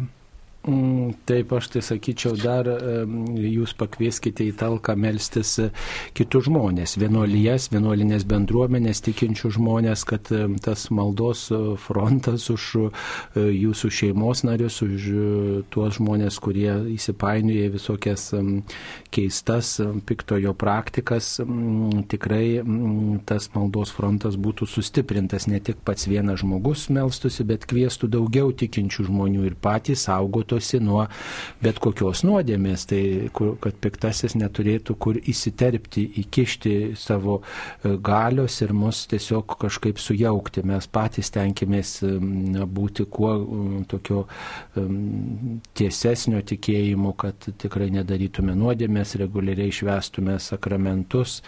Tai tokiu atveju tokiu atveju galime tikrai save apsaugoti, štai laikydamėsi dvasinių praktikų. Taip mums paskambino. Skambina klausytoja Birutė iš Kauno. Taip klauskite. Garbėsiu Kristui. Per amžius. Kunigėlė turi tokį baisiai skausmingą man klausimą. Man 87 metai, rodosi protą turiu ir viską. Dabar prasidėjo taip, kalbu rožinį ir melžiuosi su, visa, su Marijos radiju. Ir paskiau pasirodo, jau, jau baigėsi tas paslaptis, o pas mane dar trys ar keturi e, karoliukai nekalbėti. Tai reiškia, aš kažkur prapuolu ir paskiau vėl pasijungia ir vėl būna prapuoliu. Tai ar, ar mano tokia malda užsiskaito? Hmm tikrai užsiskaito, jūs nei kiek nesijaudinkit, nesgi Dievas mato jūsų galimybės ir negalimybės. Viską jisai mato ir viską žino. O jūsų gera valia yra tokia, kad norit gerai, kiek galint geriau pasimelsti. Ir, ir todėl nesvarbu, kad šitie trukdžiai iš jau kūno ateina, bet jūsų dvasia, jūsų valia yra gera ir, ir nusistačiusi tinkamai Dievą garbinti, todėl būkite visai, visai rami. Taip, ištvermės jūsų maldo ir, ir kągi ypatingai melskitės gal trumpesniomis maldomis, pavyzdžiui, gailestingumo vainikėlio malda trumpesnė negu rožančius ir tada, tada galbūt lengviau pavyks išlaikyti dėmesį. Na dar apie maldą viena žinutė, kuo skiriasi malda nuo meditacijos, ar meditacija yra priimtina krikščioniui. Čia va jezuitam labai tinkamas klausimas. Mhm. Teisingai. E, mal, matot, žodis malda tai reiškia labai daug. Malda tai reiškia ryšį su Dievu ir čia įeina, sakytume, maldos laipsniai. Nes jeigu mes maldą taip bandytume suskirstyti į laipsnius, tai būtų žemiausiame laipsnėje yra lūpų malda, aukščiau jau dides, didesnė malda, geresnė, tobulesnė malda yra mastumoji malda ir meditacija. Tuo pačiu paskui toliau eina širdies malda. Ir aukščiausia vietoje yra kontemplatyvioji malda, arba susijungimo malda, arba paprastumo malda. E, na ir Štai, reiškia, jūs kaip girdėjote, mastumoji malda arba meditacija yra aukštesnio laipsnio malda. Tik tai, matot, tą meditacijos terminą naudoja ir kitų tikybų žmonės ir jie kitokiu būdu mm, siekia to artumo su Dievu ir eina į meditacijas, pavyzdžiui, jogų meditacija, tai specialiai yra tokie pratimai, kurie nuveda į tą atsiskyrimą nuo pasaulio ir, ir jau į tą tikslą maldos e, viskas būna nukreipiama. E, turėjau grupelėje tokį vieną, kuris buvo, kuris buvo jogų tenai laipsniuose kažkur tai pažengęs, jau buvo kitų mokytojas jisai pradė, praėjo tas jezuitiškas rekolekcijas padeniui, kurios vadinasi Eik į savo kambarėlį ir baigęs pasakė, sako, tai, ką aš išmokau pas jogus, nepadeda eiti į ryšį su Jėzumi. Sako, netgi trukdo. Ir todėl aš tos meditacijos, jogiškos meditacijos atsisakiau ir dabar mm, normaliai mąstymo maldą praktikuoju ir tai mane pilnai tenkina. Tai va, sakant, tas žodis meditacija turi daug prasmių, žiūrint, kaip jinai atliekama ir, ir kurioj konfesijoje jinai yra naudojama. Tai žodžiu, krikščioniška meditacija yra viskas gerai, tai yra maldos būdas. Taip. Maldos būdas, meditacija su šventuoju raštu, švento rašto meditacija, meditacija prie paveikslo, pavyzdžiui, sakralaus paveikslo, meditacija kūrinyjoje.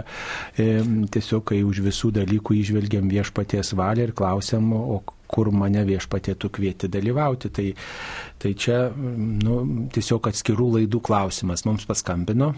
Skambina klausytoja Genė iš Vilniaus rajono. Taip, Genė, klauskite.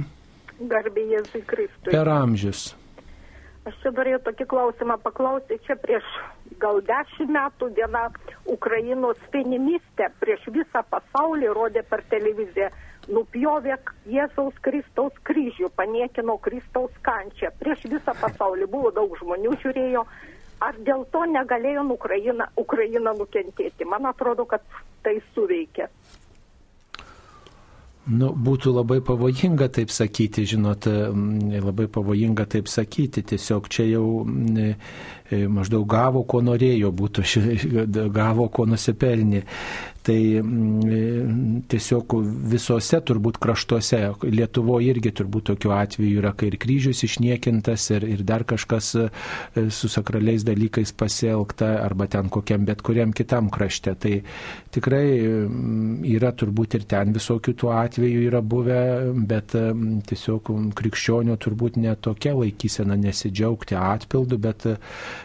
prašyti atsivertimo, atsiprašymo, prašyti ir, ir malonės, kad, kad ateitų taika ir kad tie, kurie daro blogą, kad jie keistusi, kad jie gailėtųsi, kad jie liautųsi darę blogį ir kad įvyktų stebuklas, kad nu, agresoriai, piktą darantys žmonės tikrai pasuktų į gėrio pusę, pasikeistų, atsisakytų savo e, tokių netinkamų pretenzijų. Va tokia būtų krikščioniška laikysena. Ir dar noriu pasakyti, kad juk tai ne visa tauta šitam dalykui pritarė. Kažkokie dalis kažką padarė, tai nereiškia, kad tai buvo tautos dalyka, padarytas dalykas. O šiaip tai prie blogio, tai mes visi vienai par kitai prisidedam, žinot, prie, prie blogio pasaulyje, darydami nuodėmę. Kaip sakant, kiekvienas kalame Kristų prie kryžiaus, kai darom nuodėmę, Dieve duok mums visiems atsivertimo. Taip, šios savaitės skaitiniuose buvo kelis kartus minima, kad prisikėlusio Jėzaus mokiniai nepažino jo, juk su juo kartu daug laiko praleido, valgė ir taip toliau. Kodėl jo net pažino? Ar Jėzus pakeitė savo išvaizdą? Mm. Žinot, čia yra toksai įdomus pamastymas, e, atsižvelgiant į tą, kad jo nepažino. Kitaip sakant, kad po prisikėlimo prasidėjo tokia kitokia, tarsi kitokia era, kitoks santykis su Dievu. Kad reiškia, Dievas gali būti bet kuriame žmoguje. Ir kai Kristus pasakė, kad e, apie tai, kaip reikia lankyti, reiškia, ligonius, kalinius, kitus gerus darbus daryti ir pasakė, ką padarėte vienam iš mažiausių, tai man padarėte. Reiškia, Kristus yra kiekviename žmoguje ir dabar kaip su juo elgiesi, taip su Kristumi elgiesi. Ir ta mintis, manyčiau, yra labai svarbi, kaip po pamoka mums e, artimo meiliai vykdyti, nes jis realiai parodė, va, reiškia, jo nepažino, jisai buvo kaip paprastas žmogus, o pasirodo, kad ten yra pats Jėzus. Taigi Kristus mums nori pasakyti, kad kiekviename artimame yra jis pats ir kaip mes elgiamės su juo, su tuo artimu, taip mes elgiamės su pačiu Jėzumi.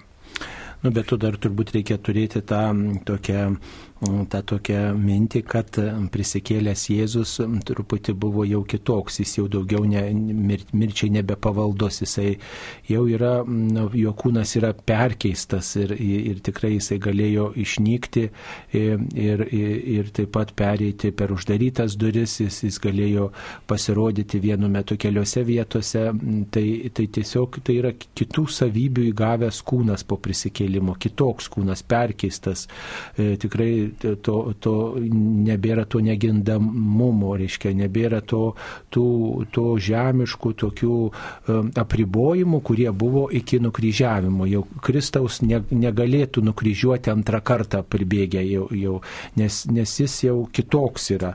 Tas pats, bet ir, bet ir turintis kitokių savybių tas kūnas. Tai va ir tas dėl to kitoniškumo dar jo galėjo irgi nepažinti, tiesiog tam tikrų naujų kažkokių bruožų, apie kuriuos, reiškia, šventas raštas nutyli, bet tik taip paštalas Paulius rašo, kad bus perkeistas kitoniškas tas kūnas. Va mes įpratę esame čia žemėje, mūsų patirtis apribota, tačiau danguje, viešpaties karalystėje, na, prasiplės matyti mūsų pažinimas ir, ir mūsų galimybės. Tai ir mūsų laukia ta tikrovė, tik tai svarbu jos norėti, už ją apsispręsti ir jos siekti tikėjimu ir artimo meilę. Taip, dar vienas klausimas apie jėzuitiškas rekolekcijas. Noriu išmokti melstis, ar tam padėtų jūsų minėtos jėzuitiškos rekolekcijos, ar jos vyksta Vilniuje. -hmm. Nu, labai gaila, kad Vilniuje tai priklauso nuo to galimybių, kuris e, tenai iš tėvų yra ir ar jis turi tai padaryti. Kai buvo Mindaugas Malinauskas, tai jisai turėjo grupelę iki savo kambarėlį, pagal tą knygutę vesdavo rekolekcijas ir dabar negaliu garantuoti.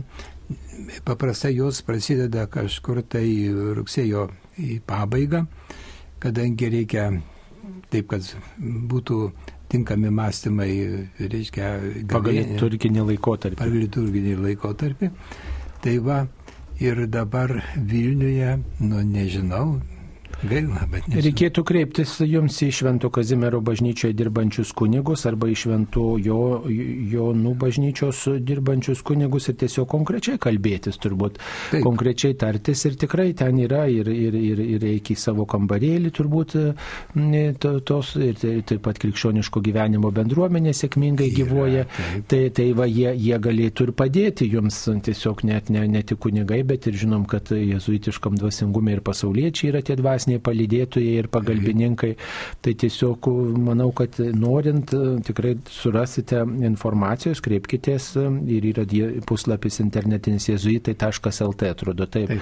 Tai ten yra ir kontaktai visi, žodžiu, Vilniaus bažnyčiose dirbančių tėvų jezuitų surasite ir tikrai pasinaudokite šitą galimybę paragauti ir jezuitiško dvasingumo ir kartu nu, išmoksit maldos būdo, kaip naudoti ir savo vaizduotę, savo, reiškia, šve, nuskaityti šventą raštą, pasitelkiant įvairius pojūčius, tai tas tikrai praturtina maldos gyvenimą ir išmoksta ne tik tai žodžiais melstis, bet ir, kit, nu, kaip sakant, visų savo kūnų. Taip, taip. Taip. Dar viena žinutė. Iki bažnyčios einu daugiau kaip 2 km. Jeigu eidama ar pareidama sukalbu Dievo gailestingumo vainikėlį, dalyvauju šventose mišiose, priimu šventą komuniją ir sukalbu poterius popiežiaus intenciją ir galiu laimėti visuotinius atlaidus. Nu, taip jau tiesmukai yra pasakyta, kad prie išstatyto tabernakulėje saugomų švenčiausio sakramento suteikiami visuotiniai atlaidai. Tai jūsų atveju, aš sakyčiau, kai kelyje tą darote, gal, gal taip jau raidės laikantis, e, tai dalinius atlaidus tikrai pelnote. Bet ar visuotinius pelnote, tai truputėlį suabejočiau, nes yra e, sąlygos pateiktos, kad, reiškia, prie švenčiausio sakramento akivaizdoj. Ir, reiškia, Faustina yra labai vat, iš Jėzaus patyrusi, kad būtent 15 val. reiktų aplankyti švenčiausiai sakramentą koplyčioj ir tikrai sužadinti tą troškimą, prisiminti, ką Jėzus Jėzus kentėjo ir kad jis tikrai tai yra jo mirties valanda ant kryžiaus už visus nusidėjėlius. Tai, tai tas buvimas švenčiausio sakramento akivaizdu tikrai mm, nusvarbus dalykas. Aš tai jums taip pasakyčiau, jeigu einate 2 km, beveik galėtumėte suspėti visą rožinį sukalbėti. O būdama e, bažnyčioje, tai tikrai arba pasilikus po pamaldų, tai sukalbėkit gailestingumo vainikėlį ten būdama. Tai tada tikrai laimėsite, nes bus švenčiausio sakramento akivaizda, reiškia, kad ir uždarytas tabernakulėje viešpats, bet ir yra ta galimybė, būnant tenai, būnant tenai fiziškai tiesiog ir, ir va, toj akistatoj, Dievo akistatoj melstis, tai va tada tada tikrai tos sąlygos būtų išpildomos ir jokių abejonių dėl visuotinių atlaidų gavimo tada nekiltų. Mums paskambino. Skambina Teresė iš Vilniaus. Taip, mėla Teresėlė, klauskite. E, Garbėsiu Kristus. Per amžius. E, noriu pasakyti, e, kad Vilniuje e, mažoji katalikų akademija kaip tik baigiau jezuitiškas rekolekcijas iki savo kamarėlį. Nežinau, ar dabar dar vyksta, reikėtų susisiekti su mažoje katalikų akademija. O, labai geras priminimas. Nes esu pabaigus, labai patenkinta. Ir turiu klausimą, gal jūs žinote, kada pasirodys antras numeris kelionės? Kelionės numeris, tikrai negalėtume pasakyti. E, sekite, sekite, taip sakant, šaltinius krikščioniško žiniasklaidos, tikrai, tikrai, tikrai paskelbs. Taip, dar viena žinutė tokia štai.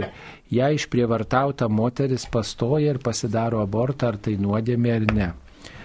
Aišku, yra turbūt tam tikras atsakomybės laipsnis, kai, kai reiškia, žmogus ypatingai tokioj išgaščio būsenoj, tokioj prievartos būsenoj tą daro ir tada, kai, kai nėra tos, tos prievartos, tokio vat, išgaščio. Tačiau bažnyčia moko, kad kiekvienas dirbtinis neštumo nutraukimas dorinių požiūrį yra, yra smerktinas. Ir tiesioginis ar norimas neštumo nutraukimas kaip tikslas arba kaip priemonė yra sunkus nusižengimas. Ir tikrai tai būtų nuodėmė, aišku, ta aplinkybė yra, kad patirta prievarta, bet, bet vis tiek tai yra gyvybės nutraukimas ir reikėtų uh, tai išpažinti. Katalikui reikėtų tai išpažinti, išpažinti ją, jeigu yra tai padaryta. Nes bet kokiu atveju tai yra gyvybė. Gyvybė, o gyvybė Dievo, dievo dovana, kad ir kaip ten būtų atsitikę. E, taip, dar viena žinutė, mm, kodėl išnyko katekizmo tiesa, kad Dievas už gerą atlygina, o už piktą baudžia. Čia Paltaroko katekizme buvo tokia, tokia, tokia reiškia nuostata.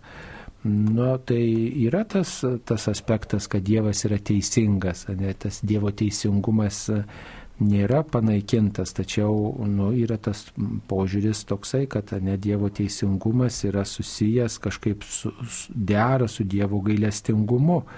Ir matot, anksčiau galbūt buvo akcentuojama truputį kitaip, kad vat, yra tas teisingumas, yra, reiškia, padarėjai, tai dabar turi nukentėti, pasiekmės viską dabar truputį kitus gal akcentus pabrėžia bažnyčios mokymas, kad Dievas pasigaili, tačiau tą gailestingumą reikia priimti ir tada keisti savo gyvenimą, ne, nebijoti, kad Dievas atlygins ir čia dėl baimės aš turiu nedaryti blogo, bet atsiliepti į Dievo meilę turiu nedaryti blogio. Va toks akcentas yra to gailestingumo kulto. Dievas pasigaili, bet jis kviečia vis dėlto susimastyti ir priimti tą dovaną ir keistis, ne, ne, nebijant atpildo atlygio už mano veiksmus, bet bijant nu, atstumti Dievo meilę ir taip nuostolį savo padaryti. Taip, mums paskambino. Skambina klausytoja Gražina iš Kauno. Klauskite. Garbė. Garbė Jėzus Kristus. Per amžius amen gražinutę, klauskite. E, aš noriu paklausti, aš radau knygelę, maldą knygę, labai seną, seną. Tėvelis kalbėjo kažkada Ir aš dar atsimenu vaikas, ilga malda, dvaro malda. Jūs tokią gal girdėjote? Ar, ar ji jau yra nebegaliojanti, ar jie dar galima kalbėti? Nu, neteko girdėti, nežinau, kunigė, gal jūs kažką girdėjot? Taip, man yra tekę girdėti, bet, žinau, kad kiekvienam laikotarpiui yra kažkiek aktualios, tai vienokios arba kitokios pamaldumo formos. Ir nemanau, kad reikia jau būtinai tęsti šitą dvaro maldą, bet e, esu skaitęs tą viską, kas ten parašyta ir ten, žinoma, nėra nieko prieš katalikų tikėjimą ir priimtina ir visa kita. Na, jeigu jums, sakysim, tiesiog kažkaip prilipo ir, ir norisi kalbėti, kodėlgi ne? Na, o dabar čia radau tokį tokia įžvalga, kad dangiškasis dvaras tai yra palaimintosios Liutgardos malda. Tai yra 14 amžiaus vienuolė, tretininkė Ir jie tiesiog tą maldą praktikavo ir platino, jeigu ta pati malda. E, taip, taip, ta pati. Taip, kad kuo daugiau sielų patektų į, į, į dangų kaip į Dievo dvarą. Čia ta, ta prasme, tai tikriausiai jeigu ta pati malda, tai, tai joje nėra nieko, kas krikščioniškam tikėjimui turbūt prieštarautų, jeigu taip jau mhm.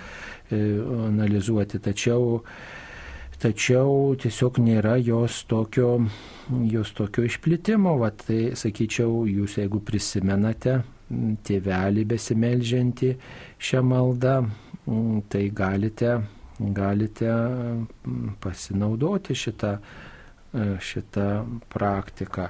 Na čia iš tiesų tai labai daug yra tų maldų, nebent 34 kreipiniai Ir, ir tikrai labai įdomu, tai ačiū už tokį priminimą, būtinai susipažinsime uoliau ir, ir tikrai labai įdomu, galima net bus laidą padaryti apie šitą temą. Dar vienas klausimas dar kartą apie pašaukimus į kunigystę. Kodėl Dievas tiek mažai pašaukė, sprendžiant išstojimų į seminarijas Lietuvoje, ar pašauktieji neatsiliepia? O čia tai, žinot, yra Jau labai įdomus taip klausimas. Yra toksai tvirtinimas, toj bažnytinėje literatūroje radau, kad Dievas pašaukia, pašaukia pakankamą skaičių į kunigystę, bet ne visi paklauso. Nes, žinot, šių laikų šis geras gyvenimas nuveda visai kitą linkmę O kaip po tokį, nu, nežinau, patirties dalyką noriu priminti Airijos dalykus. Airija iki tam tikro laiko mūsų amžiuje aprūpindavo ir net ir Ameriką kunigais. Kiek ten būdavo daug tų pašaukimų ir jeigu taip praėjusi amžiaus pabaiga tuo metu būdavo taip kalbama, jeigu viskupas, tai airis. Reiškia, būdavo tiek daug ir tokie, nu, neįliniai matyt būdavo, jeigu tą skirdavo viskupais. Iš tai, kas įvyko, kai atėjo, įsijungė į Europos Sąjungą ir lėšos nuėjo ten, kur jos buvo skirtos, nes airiai beveik visi tikintis, ir jie gyvena pagal tikėjimą, reiškia, nenuėjo šalį. O ir ten gerovės taiga sužydėjo. Ir tuo pačiu pradėjo mažėti pašaukimų, mažėti, mažėti, vienuolynai tiesiog griuvo, ta prasme, nebebuvo kandidačių ir padėtis bažnyčioje pasidarė labai bloga. Bet tai nereiškia, kad Dievas nešaukia. Dievas šaukia tiek, kiek reikia. Bet gerbuvis nukreipia žmogų į žemišką šitą pasaulietišką gyvenimą ir va, taip mes netenkame pašaukimo. Tai su Lietuva tas pats. Tik tai praeisį rugsėjį tik tai du įstojo. Įsivaizduokit iš visos Lietuvos du.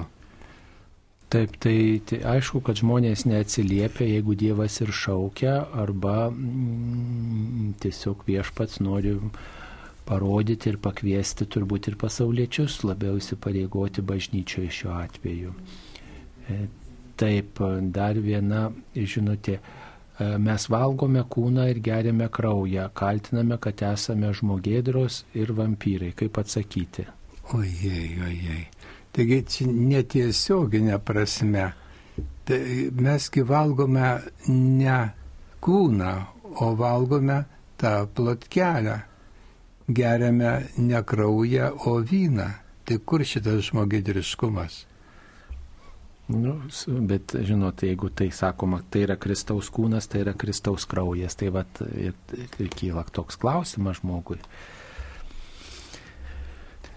Taip, taip, kyla. Bet mes kitą prasme, reiškia, tikrai mes tą dalyką priimam, bet kaip Dievogi yra visai paprasta padaryti tai, kad mes priimdami, reiškia, šitą maistą ir priimam kūną ir kraują tiesiog čia toks jam tai paprastas dalykas. Tik tai mums reikia, reiškia, matyti, kad tai tikrai, o čia yra tikrai, bet kitokiu būdu, dvasinė prasme. Bet tai vyksta priimimas.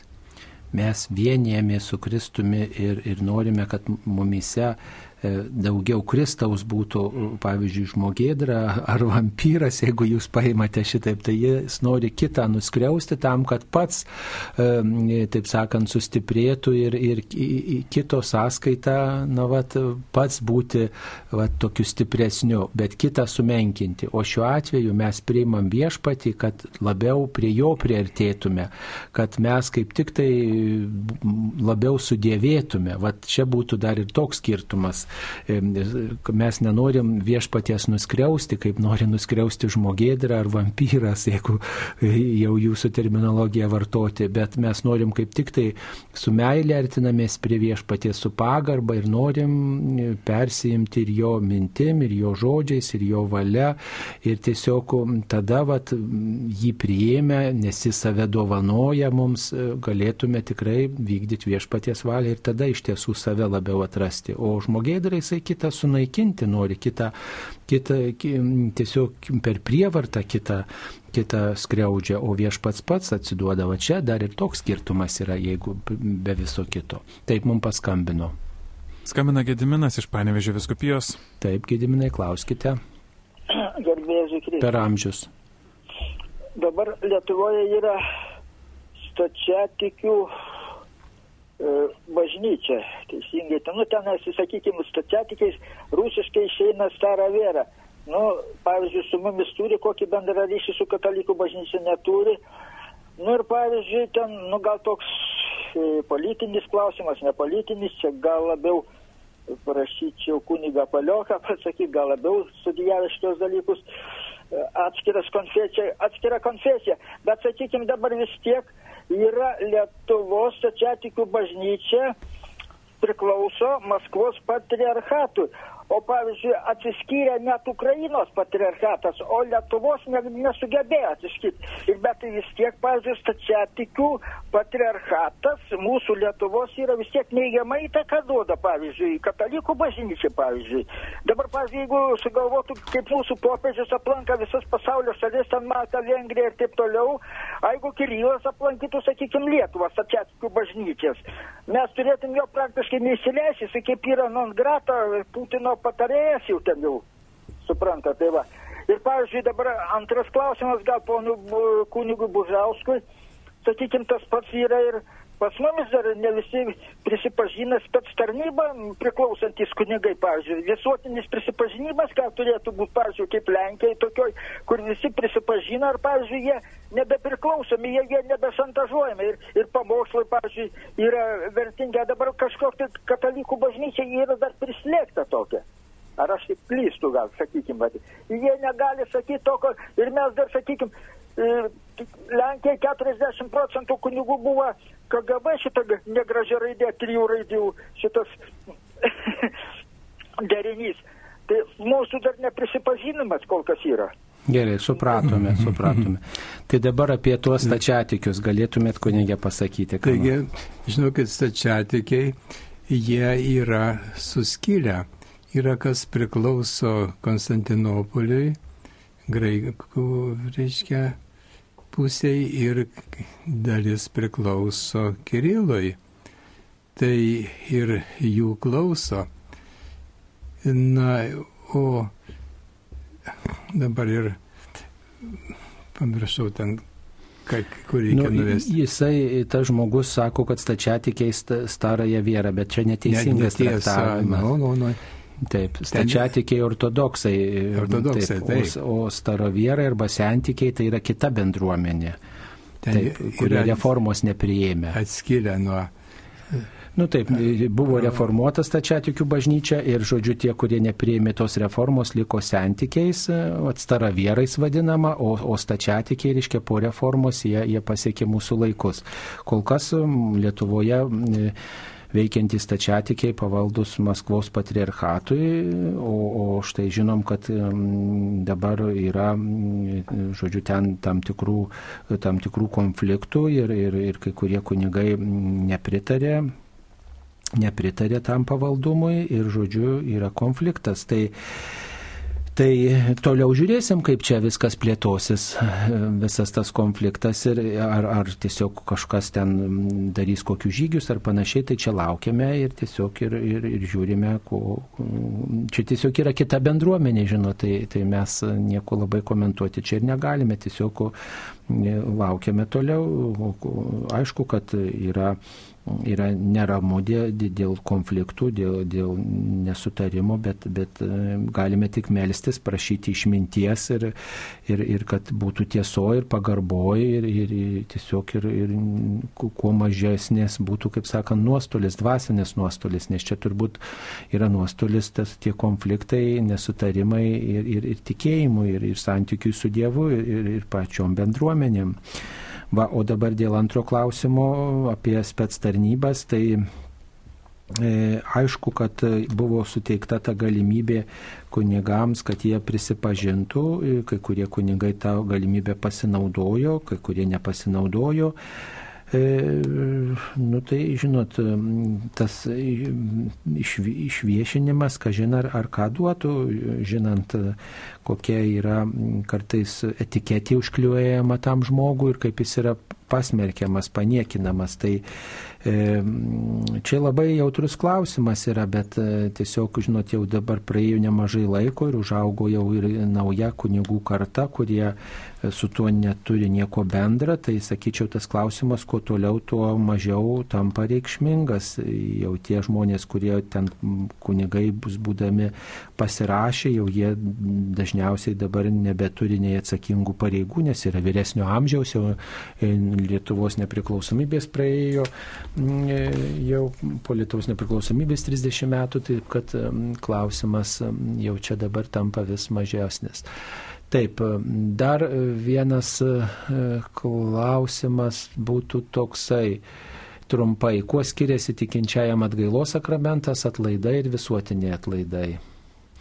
Tai čia labai turbūt paprastai atsakysim atgailos sakramentas, kai einu iš pažinties ir gaunu atleidimą, tačiau lieka tam tikros pasiekmės, bausmė Taip. už mano padarytą nusižengimą ir tą išdildo atlaidų malonė, reiškia, kuri gaunama prašant tos malonės ir atliekant tam tikras sąlygas. Va, išpildant tam tikras sąlygas, o, o tai yra daliniai atlaidai ir visuotiniai atlaidai, kai, kai visa bausmė atleidžiama visuotiniai, kai dalis, tai tada daliniai, daliniai atlaidai.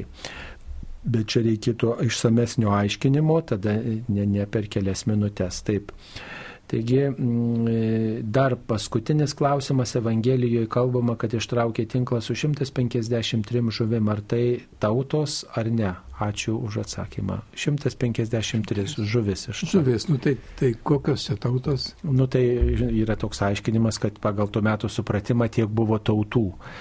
Va. Tai, žodžiu, nori patvirtinimo. Kaip galėtume tą skaičių paaiškinti, kodėl 153? Negaliu. Na, čia tokia turbūt pilnatvė, irgi čia įvairūs tie aiškinimai yra, kad tai yra pilnatvė, žodžiu, ir, ir, ir Izraelio tauta tame įeina ir taip pat įeina pagonių tautos, bet e, konkrečiai e, skaičiuoti tai būtų, tai būtų toks, nu, truputį iššūkis ir, ir truputį pavojinga, bet pri, primam kaip tam tikrą simboliką, reiškiančią visuotinumą. Reiškia, Dievo tinklai skirti visiems. Dievas visus kviečia į e, dangaus karalystę ir išgelbėjimą visiems dovanoja. Tai va toks oficialus būtų to e, aiškinimas. Na ir dar viena žinutė, kunigė Algirda, jūsų tarmės išduoda, kad turbūt esate iš aukštaitijos, ar teisingai? Tikrai teis, tikra tiesa, aš esu iš pasvalio. Na va, tai ačiū kunigui Algirdui Paliokui iš Pasvalio ir iš Švento Pranciškaus Ksavero bažnyčios Kaune, kuris šiuo metu darbuojasi. Ačiū Jums, kad atėjote, skirite laiką savo žinias ir prie mikrofono taip pat buvo aš kunigas Saulis Bužauskas. Būkite palaiminti viešpaties globos ir gailestingumo visiems. Ačiū sudė.